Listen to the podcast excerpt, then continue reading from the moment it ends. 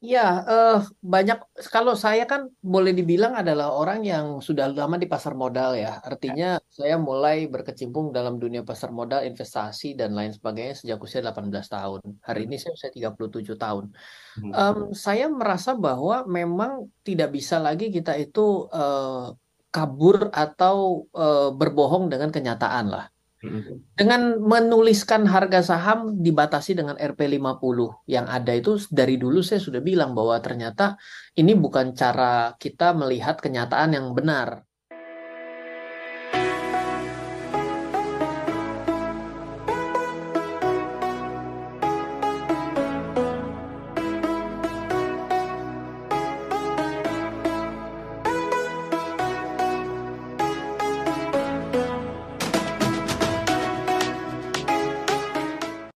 Selamat malam Mas Daril, selamat malam kepada seluruh smart listeners di mana pun Anda berada. Entah kenapa saya suka batik Mas Ryan malam hari ini. Ya, ini seriesnya batik versi kontemporer Thor. Ya, ini ada Avenger Thor. Padahal jawabannya cukup terima kasih gitu ya. Nggak kelihatan ya? Kita naikin aja. Dia makin jadi loh. Nggak Iya. sekalian berdiri Mas Ryan. Nanti mau, mau pesan pre-order ya, mau? Ah, boleh, boleh, boleh. Udah centang biru batiknya ya. Iya, Sehat Mas Ryan? Alhamdulillah sehat dong. Oke, makasih. Ini beneran apa enggak sih saham udah menuju ke satu rupiah nih? Eh, mungkin eh, kita pertajam ya. Jadi eh, sekarang itu eh, Hmm. Bursa Efek Indonesia tuh kan sebenarnya dulu kalau kita mengikuti bahwa saham di Bursa Efek Indonesia itu ada satu paradigma ba- bahwa paling murah RP50 seperti Ya, itu. betul. Ah, Nah, nanti akan ada fraksi-fraksi harganya ya. Nah, sekarang itu em, dengan adanya papan pemantauan khusus yang mungkin saya lupa kita pernah bahas atau tidak, papan pemantauan khusus itu eh, per hari ini tuh ada 160-an saham, tepatnya 169 Oke. dan membuat eh, harga saham itu tidak di cap lagi batas bawahnya menjadi RP50. Dan Oh, oke. Ya, dan pada saat ini ternyata eh, yang di bawah 50 itu lumayan banyak ya. Kalau kita ngikutin angkanya tuh saya lagi coba untuk merekap bahwa yang less than ya 50 itu sekarang sudah ada eh, 26 saham Mhm. dan sudah ada yang mencapai RP 4 rupiah per satu lembar. Nah, Em, ini akhirnya membuat pemahaman baru bahwa eh, harga saham itu memang sebenarnya memang bisa turun ke harga berapapun men- bahkan menjadi nol rupiah. Mhm. Nah, jadi kita harus lebih waspada, lebih dewasa ya. Jadi kalau Ya. kita mau belajar lebih jauh, sadar atau tidak bahwa sekitar tahun 2017, saya ingat sekali itu terakhir kita mengkampanyekan gerakan nabung saham ya. Mhm. Mhm. Iya, iya. nabung saham. Sebenarnya program itu bukan dihentikan, tapi eh, ada ada chapter-chapter yang sebenarnya dibawa program oleh eh, Bursa Efek Indonesia dan jajaran direksi dan manajemennya. Bahwa akibat daripada satu campaign yang begitu hebat membuat banyak orang yang hadir akibat kampanye nabung saham bahwa menabung itu bukan hanya uang tapi juga bisa saham, maka eh, kita sadar bahwa begitu banyaknya orang yang datang ini eh, perlu juga satu program baru yang mana disebut pendewasaan atau pembelajaran bagi semua yang sudah join. Kita juga tahu pada Ah, saat ah, pandemi itu investor jadi cukup banyak ya datang ke Bursa Efek ah. Indonesia mencapai pecah rekor yang Ya, selama ya. ini tidak sampai eh, tidak sampai di level tersebut. Jadi program-program pendewasaan itu juga bukan hanya mendewasakan dari sudut pandang investornya. Namun juga harus dari pihak Bursa Efek Indonesia itu mulai wa- apa ya mem- memprovide data-data yang jauh lebih eh, advance lagi. Ah, Dulu kalau saya belajar tahun 2004 2005 ya, itu mhm. nyari harga saham aja susah sekali di Indonesia. Hmm. Nah, beda sekali dengan eh, pada saat itu pun ketika kita mencari harga saham di luar negeri itu sudah jauh lebih eh, advance ya, boleh dibilang lebih lengkap. Hari ini dengan adanya platform yang dibuat langsung juga dari Bursa Efek Indonesia gitu, itu membuat em, data pasar jadi jauh lebih terbuka buat kita investor retail. Oke. Lain daripada itu ya dampaknya yang barusan yaitu harga saham pun sekarang tidak tidak membuat orang memindset bahwa ya jangan khawatir lah kalau udah beli RP50 udah paling bawah nanti akan naik. Padahal selain itu juga ada pasar non reguler yang disebut dengan pasar negosiasi.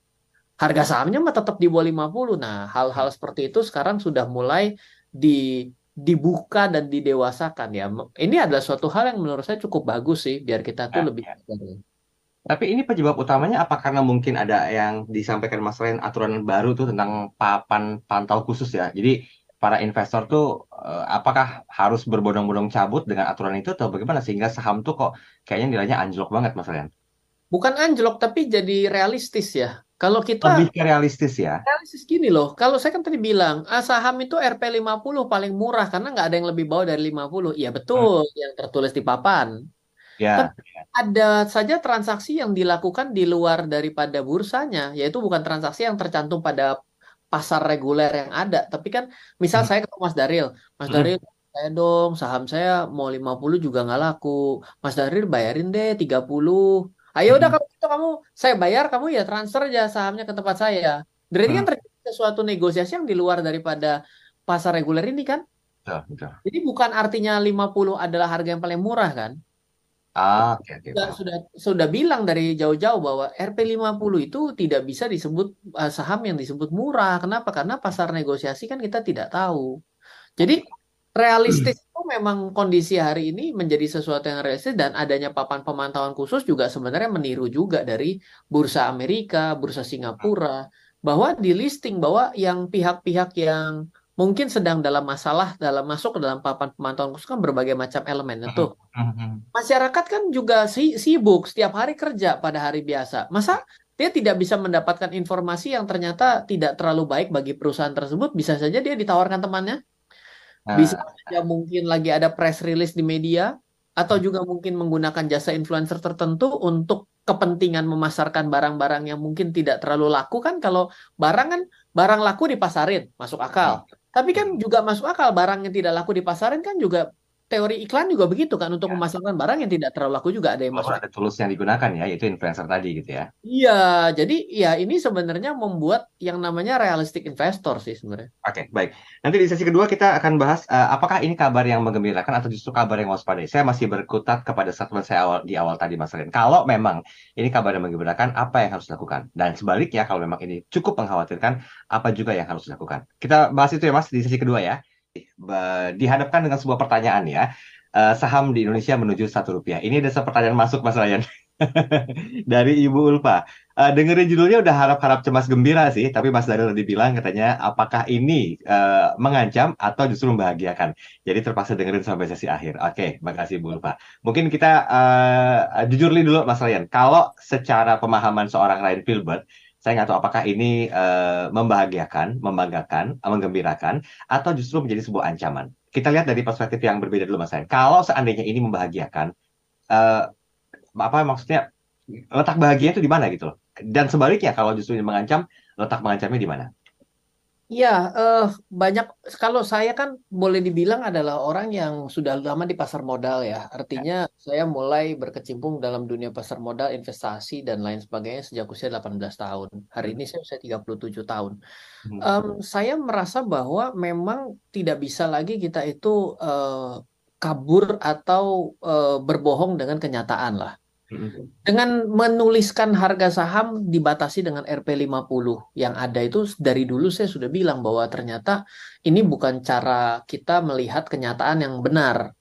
Hmm. Artinya kan orang banyak yang mengambil kesempatan sebenarnya saya tahu teman-teman saya juga yang trading yang pengen trading harian itu berusaha untuk mengambil harga-harga saham yang kurang dari 100 rupiah Ya. agar bisa eh, trading harian.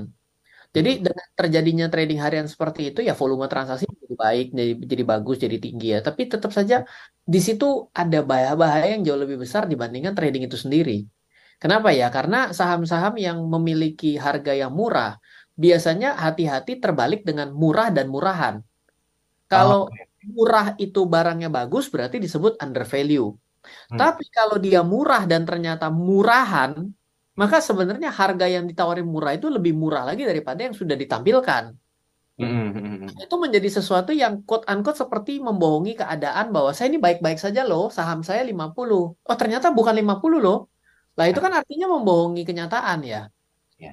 Ya, dengan kita lepaskan harga saham ini menjadi ya bukan lagi bottomnya adalah 50, bergerak bisa turun bahkan saya mendapati harga saham bisa mencapai harga 4 harga 5, harga 6, harga 8, harga 10 dan uh, yang ada di dalam papan pemantauan khusus itu uh, ada 15 saham yang masuk ke harga di bawah 50.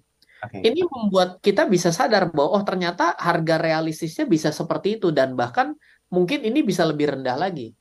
Hmm, hmm. Sehingga kita sadar, lah masa iya? Coba kita berpikir, perusahaannya itu sudah tidak pernah melaporkan laporan keuangan, modalnya negatif, ya kan, tidak pernah ada transaksi. Masa disamaratakan dengan harga RP50 dengan perusahaan yang masih memiliki volume transaksi, masih melaporkan laporan keuangan. Apakah itu benar-benar mencirikan harga sebenarnya? Atau jangan-jangan dia dalam ambang kepailitan lah, benar-benar sudah dalam proses kurasi. Kok bisa disamaratakan dengan RP50 dengan yang lain? Apa benar value-nya segitu? Hmm. Nah, itu kan membuat pasar menjadi tidak dewasa.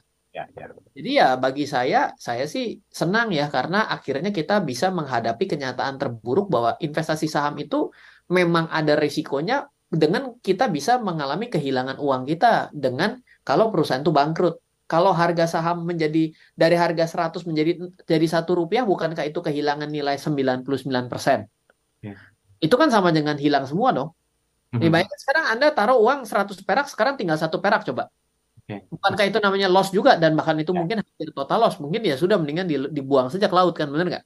Ya, betul, betul. Lupa, tapi kan mungkin saja satu menjadi 100. Nah, ya ini adalah perkara yang berbeda. Kita tidak bicara mengenai uh, potensial profit or gain di sini. Kita bicara yang namanya loss dan uh, dan unrealized loss yang mungkin akan menjadi realized loss kan buat kita. Berarti kan ini berbicara mengenai kenyataan terpahit investasi bahwa investasi itu ada risikonya, apalagi investasi saham.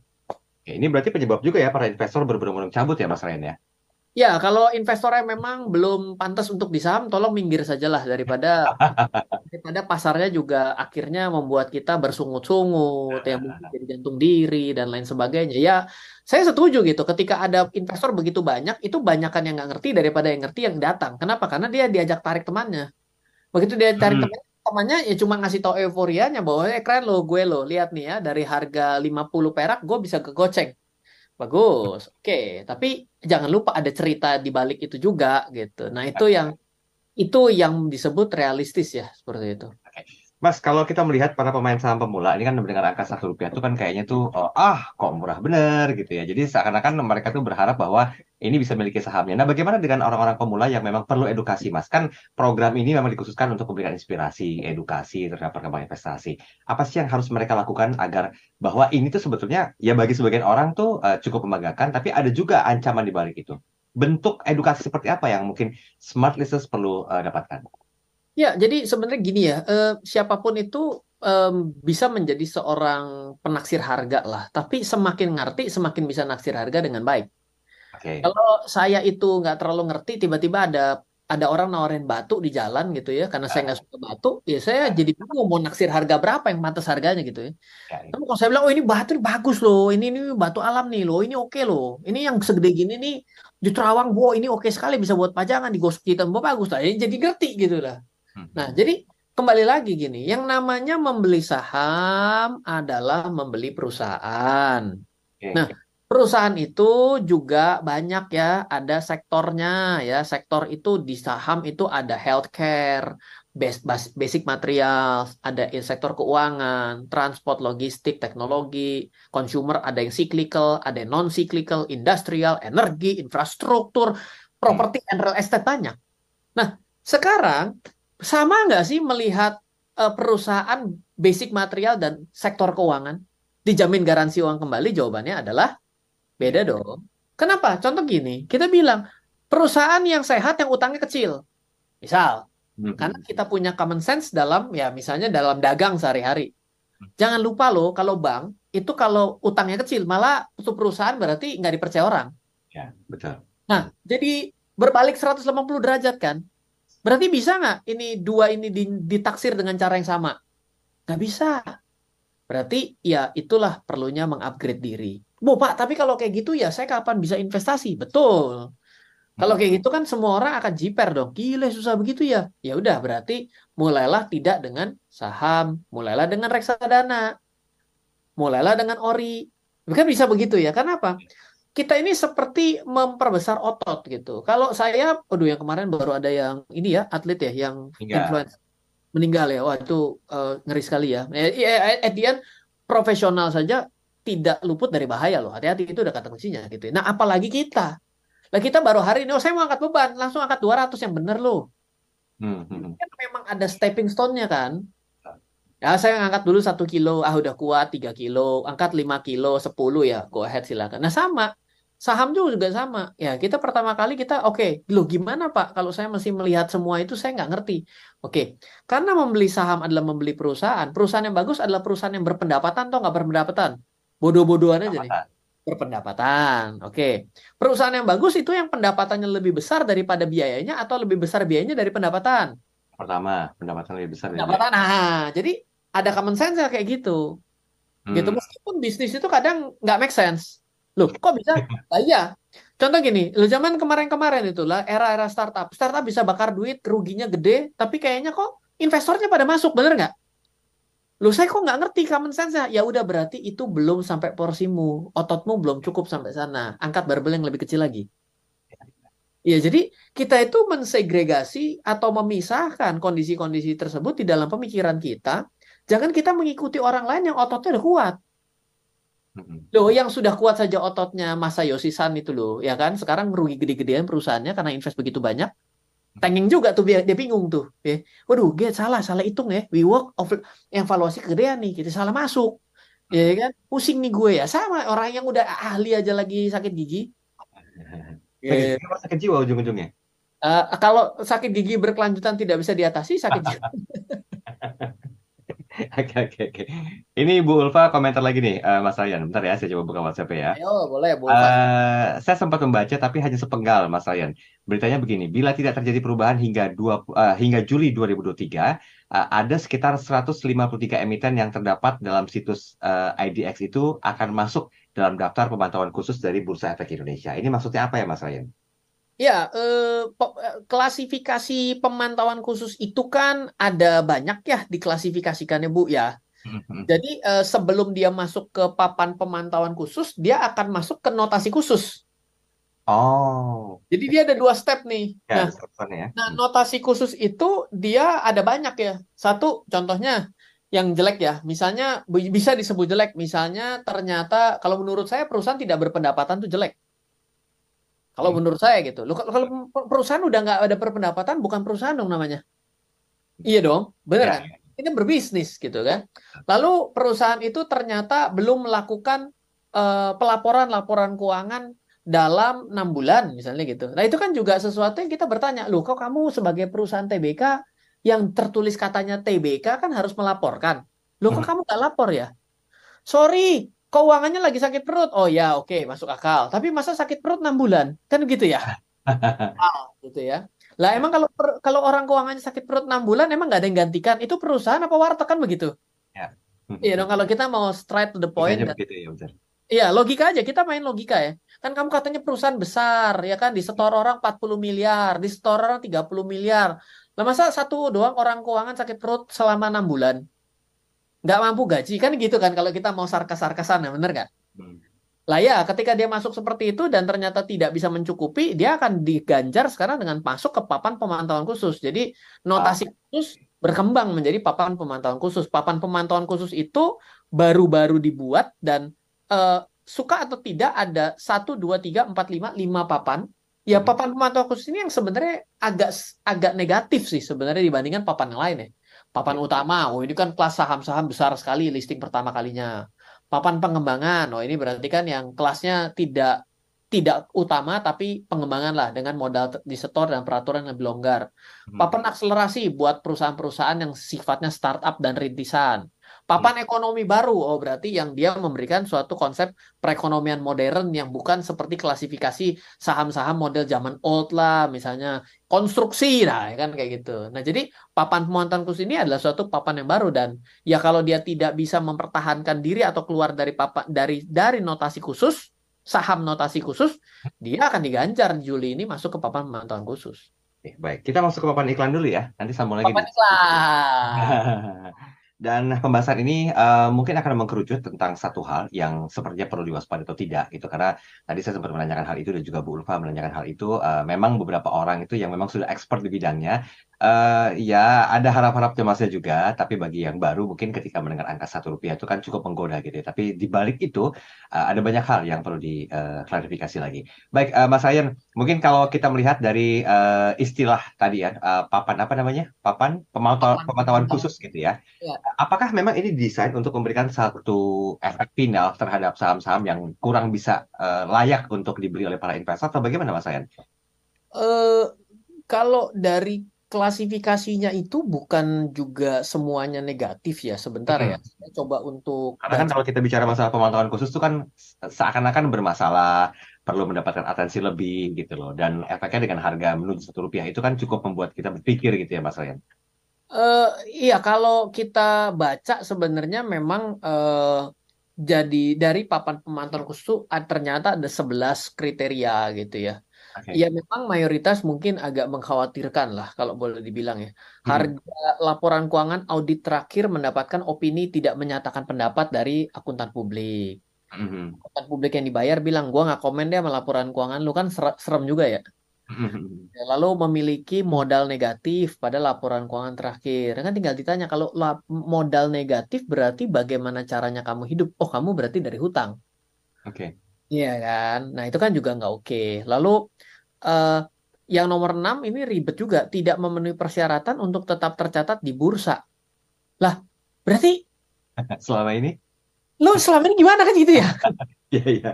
Ya, karena terkait saham free floatnya. Jadi jumlah ah. saham beredarnya kecil. Kalau jumlah saham beredarnya kecil itu kan jadi kecil perdagangannya. Kalau kecil perdagangannya, transaksi sedikit aja harganya bisa bergerak sangat liar. Kalau liar naik, kalau liar ambles turun kan kusut ya.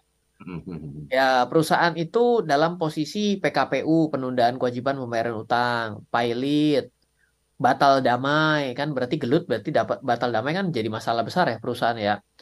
Lalu uh, dikenakan penghentian sementara perdagangan efek selama satu hari bursa yang disebabkan oleh aktivitas perdagangan lebih dari satu hari bursa.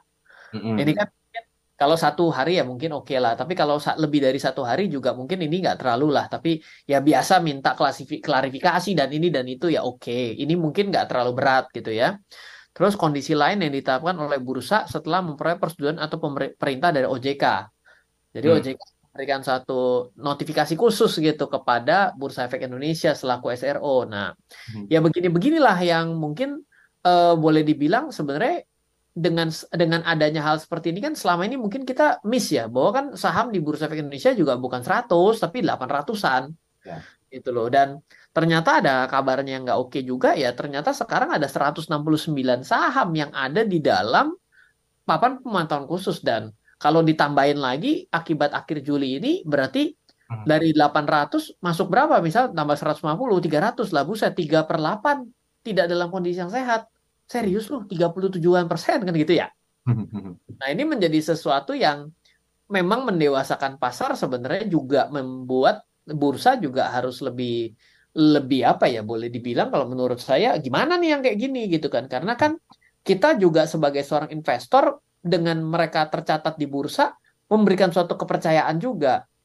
Hmm. Kalau mereka memang ternyata hanya memenuhi dokumen hanya untuk tercatat kan berarti juga menjadi pertanyaan bagaimana uh, dengan filtering yang dilakukan yang sudah berpanjang-panjang ria menggunakan seluruh tenaga uh, untuk lembaga jasa keuangan ya ya sekan ada banyak pihak yang terlibat dalam profesi pasar modal ya untuk bisa sebuah perusahaan listing Hmm, hmm. Berarti pada ke mana lu? Atau tuh aturan ternyata memang begitu loophole-nya kah?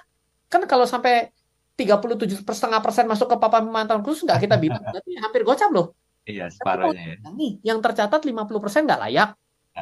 lah kita jadi bilang loh berarti kalau peluang saya untuk membeli satu kemungkinan saya gagal saya separuh dong. Loh, kok jadi mirip yang namanya saya lempar koin? Kayak judi kan jadi begitu. Ini ngegas di pihak yang lain ya. Kalau saya di Enggak, itu juga udah ngegas juga sih. Mendingan minum dulu, Mas. Bukan, begini loh. Kalau tadi kan saya menyatakan bahwa emang kalau kamu belum layak jadi investor saham ya kamu seperti mau mau me, me, me, menyatakan itu kepada melawan si investor kan. Ya, ya, ya. Bagian ini saya juga harus sadar loh. Kalau sekarang ternyata ditambahin 150 lagi, loh saya sebagai regulator saya nggak bingung. Loh, berarti kamu selama ini ngawasin 50% memang nggak layak, hampir 50%. Nggak pusing kamu. Kan gitu juga. Lagi kita sebagai investor tanya, loh kamu selama ini piye? Loh, kamu kan ini di- dijaga oleh kamu juga. Berarti kamu ngejaganya ya gimana gitu Oh, kan? sorry. Ah. Iya, ini masalah bersama. Udah, udah, udah nggak gas berarti. Boleh minum mas kalau masih nggak gas. Nanti aja lah tanggung. Tanggung breaknya masih lama loh ini. Iya. Jadi gini Mas, eh, ini kan kita menginspirasi, mengedukasi juga gitu ya. Kan eh, seperti yang kita ketahui bersama, kalau dalam teori ekonomi kan naik turunnya saham itu kan biasa, based on permintaan, penawaran juga ada. Tapi boleh nggak disampaikan dengan judul kita hari ini, lebih banyak mana faktor eksternal kah penyebabnya atau faktor internal? Oh, Oke, kalau dari yang kita utarakan sebenarnya dari Nah. masuk ke papan pemantauan khusus sehingga juga Hmm. mereka bisa keluar bisa menuju RP1 sebenarnya pada akhirnya eh, kita punya pendapat bukan masalah beli dan jual berdasarkan demand and supply, Oke. tapi pada akhirnya kita punya keyakinan bahwa harga saham itu akan menuju kepada nilai yang sebenarnya dalam keadaan yang sebenarnya juga gitu. Jadi ada satu kejadian harga saham melambung cukup tinggi. Pertanyaannya kembali, apakah perusahaan tersebut memang segitu nilainya? Mhm. Artinya kita tidak bisa bohong bahwa perlu mengetahui investasi saham dalam jangka panjang, fundamental itu penting. Yes. Bukan kita bicara masalah trading doang. Nah, ini kayak gini-gini kan orang jadi bingung ya, Sira ini trader apa investor gitu kan. Kadang-kadang saya juga di komen, iya Pak, trader itu cuma buat uang kecil. Orang kaya itu pakai investing. Dalam hati gue, emang duit lu lebih banyak apa dari gue nguliahin gue kayak gitu kurang ajar. Gitu ya. Tapi maksud saya beginilah, semua orang kan boleh dong berprofesi beda-beda. Jadi seorang trader memang nggak boleh. Boleh saja profesi. Tapi jangan lupa loh bahwa trading itu fokusnya kepada harga yang ada pada saat ini dan volume perdagangan. Sometimes kita nggak lihat lagi fundamental perusahaannya. Oke. Tapi ketika kita menyimpan saham ini dalam jangka panjang, kita perlu sadar bahwa dalam jangka panjang harga saham itu akan bergerak mengikuti kinerja pada fundamental dasar perusahaan tersebut. Apa fundamental dasar daripada perusahaan tersebut? Ada beberapa. Satu sebenarnya adalah misal ya, adalah eh, good corporate governance perusahaan. Bagus nggak perusahaannya? Oke. Dua, apakah perusahaan itu berpendapatan? Yang ketiga, bagaimana melihat pendapatan dan pertumbuhannya lah boleh dibilang dan bagaimana keuntungan perusahaan itu sendiri. At the end of the day, mau ente ngomong startup, mau up up up, mau seven up, tetap aja perusahaan diminta untung besok-besok. Kelihatan umurnya tuh paham Seven Up tuh. Iya, udah nggak ada, adanya Sprite ya. Nggak boleh nyebut brand. Nggak sponsor. boleh nyebut ya, oke. Jadi, Mau ngomong apa pun, ya perusahaan tuh bakar duit, iya pada akhirnya disuruh untung. Hmm. Kenapa? Karena investor itu ya bakal merasakan untung gitu ya. Jadi pasti gitu, mau untungnya dari jual saham perdana perusahaan tersebut dilempar ke publik, itu berarti dia lebih pintar aja dari ente gitu ya. Yang kedua ya silakan dapat untung dari saham yang ada di publik. Tapi saham yang ada di publik bisa bisa naik dan dan bisa bertahan kenaikannya ya salah satunya dengan profitability perusahaan tersebut. Kalau dia rugi terus-menerus ya, iya apa iya dia itu berupa jadi yayasan bisa TBK kan nggak bisa. Yes. Gitu. Berarti Terus kalau secara secara profesi eh, kabar ini eh, bagaimana harus dilihat secara profesionalismenya? Apakah dari profesi seorang eh, investor itu bagus atau dari eh, kacamatanya trader bagus, Mas Ryan? Iya, kalau trader itu sebenarnya meli nggak nggak nggak melihat ini ya bagus atau tidak karena dia hanya melihat sesuai nggak dengan statistiknya, Oke. ada di dalam support dan resisten, ada Hmm. trend following, ada Hmm. swing trading, ada potensi berbalik arah, maka ya mari berdagang. Berarti mereka nggak fokus based on price ya? Hak price justru, tapi Oh. dia nggak based nggak fokus based on value. Oh, justru nggak based on value, baik. baik. Nggak, nilai perusahaan nggak penting buat dia karena yang penting harga hari ini murah nggak, harga hari ini mahal nggak. Mhm, mhm. Ya, tapi kalau dari profesi investor sendiri, ya investor itu ya perlu bisa lah melihat apakah perusahaan ini punya potensi tumbuh gitu loh. Kenapa? Karena nggak nggak mungkin kita menginvestasikan uang bila kita tidak melihat potensi perusahaan ini untuk tumbuh. Buat apa? Setuju. Iya kan? Itu yang memang dilihat investor ya itulah kembali kepada isi dalam daripada perusahaan itu. Hmm, baik, baik, baik. Satu komentar yang masuk ini eh sebentar. Oh, dari Pak Abdi. Uh, saya agak bingung dengerin bahasan uh, dan judul malam hari ini karena ada dua sisi yang memang harus disikapi secara bijak dari sisi trader dan juga investor katanya. Moga-moga ya. nanti bisa lebih mengerucut ya pembahasannya Mas Ryan uh, dengan apa dengan judul yang diterapkan uh, menuju satu rupiah. Oke, okay. mau berkomentar? Silakan. Ya, jadi judul pada hari ini mem memberikan satu gambaran bahwa harga saham itu pada hari ini bisa ke satu rupiah loh Hmm, di hmm. mana dulu-dulu di Indonesia hanya terbatas sampai dengan 50. Hmm. Sehingga ada uh, investor-investor yang mungkin berpikir bahwa harga 50 adalah harga yang murah. Jadi menyadari bahwa bottom daripada sebuah saham adalah 50. Padahal saham itu dalam pasar negosiasi bisa saja di bawah 50. Lalu yang kedua, kita perlu sadar bahwa harga yang uh, semakin murah itu juga menjadi kesadaran bagi kita bahwa um, kenaikan kecil saja memberikan persentase yang besar. Contoh, harga RP1 menjadi RP2 kan naik 100%. Mm-hmm. Tapi kan RP50 ke RP51 kan cuma 1 per 50, artinya 2% gitu kan. Artinya sebenarnya kalau trader itu memang pada prinsip dasarnya kan suka untuk mencari keuntungan akibat selisih harga. Mm-hmm. Harga yang murah ini ya memang membuat fluktuasi, membuat persentase kemungkinan lebih cepat diraih.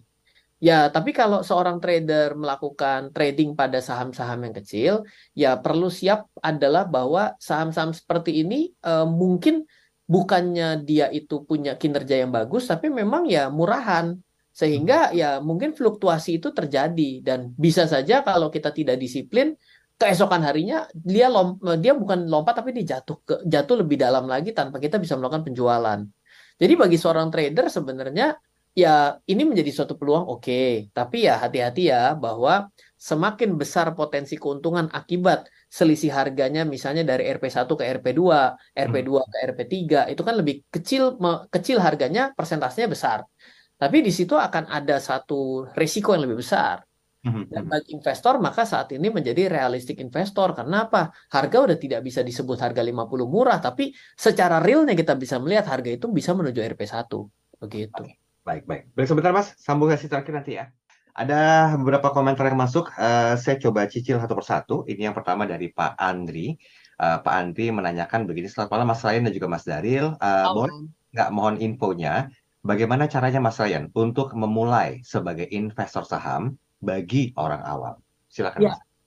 Uh, sebenarnya selain papan pemantauan khusus, lalu ada notasi khusus dari saham, sebenarnya juga ada namanya indeks yang dibuat secara selektif memberikan indikasi bahwa perusahaan tersebut adalah yang baik dan sehat. Mm-hmm. Ya, contohnya dengan adanya saham indeks saham LQ45 indeks saham IDX 30. Lalu ada untuk saham indeks dividen high 20. Ada yang growth juga. Nah, itu memberikan satu indikasi bila saham-saham itu bisa secara konsisten bertengger pada indeks tersebut dalam dua atau tiga semester ya atau kan selalu diperbarui enam bulan sekali itu memberikan indikasi bahwa perusahaan-perusahaan atau saham-saham tersebut juga uh, cukup konsisten uh, memiliki kinerja yang stabil seperti itu. Hmm. Jadi sebenarnya kita bisa memanfaatkan data yang sudah diprovide oleh bursa pada hari ini. Ya, hmm. jadi uh, kita tidak, saya bahkan bilang bahwa indeks-indeks yang ada pada saat ini itu bisa kita jadikan sebagai rekomendasi saham secara quote unquote ya, hmm. yang tidak dibuat oleh kita, tapi yang dibuat oleh bursa. Hmm. Artinya kita tinggal manfaatkan nih kalau ada saham yang tadinya ada di notasi khusus tiba-tiba keluar dari notasi khusus, kita juga bisa berpikir bahwa perusahaan itu kinerjanya membaik loh. Hmm. Ya dong. Lalu yang kedua, kita bisa melihat kalau ada saham-saham yang bertahan di dalam indeks LQ45 berbulan-bulan lamanya, berperiode-periode bulan lamanya, ya berarti ini adalah perusahaan yang konsisten yang dianggap baik di bursa kita. Gitu. Jadi pemula sebenarnya malah bisa memanfaatkan indeks ini dengan baik. Jadi tapi bukan satu ketakutan. Ya, tapi kalau secara teknis langkah awalnya seperti apa Mas Ren? Apakah sorry itu saya harus punya modal dulu atau mungkin juga punya knowledge dulu atau bagaimana untuk bisa memulai uh, khususnya untuk menjadi investor awal uh, investor saham bagi orang awam? Ya, karena ini namanya pasar modal, memang sorry to say ya memang harus mo punya modal.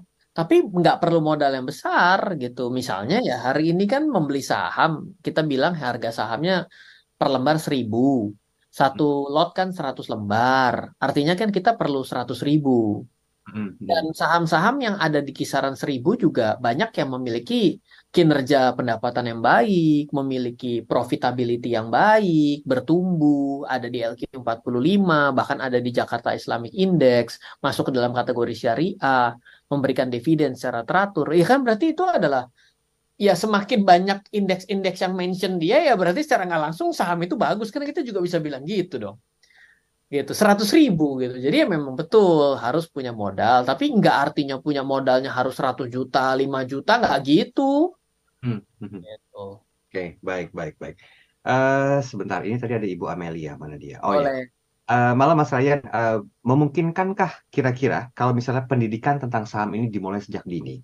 Dan bagaimana hal yang perlu diterapkan dan bagaimana hal yang perlu diterapkan agar ini juga masuk dalam literasi pendidikan di Indonesia Iya, eh, masalah yang ada itu sebenarnya bukan pasar modal itu tidak dimention ke dalam pendidikan ya. Saya hmm. juga ingat bahwa sudah masuk ke dalam uh, ini ya apa kurikulum SMA ya, bahkan sudah dimention-mention juga di SMP gitu ya. Bahkan di kuliahan juga ada namanya uh, eh, KSPM, kelompok studi pasar modal gitu. Uh, cuma masalah utamanya di sini menurut saya lebih kepada hal-hal yang lebih membumi ya. Contoh hmm. sederhana gitu, kita tidak menjadikan satu ini sebagai sebuah kebiasaan atau gaya hidup.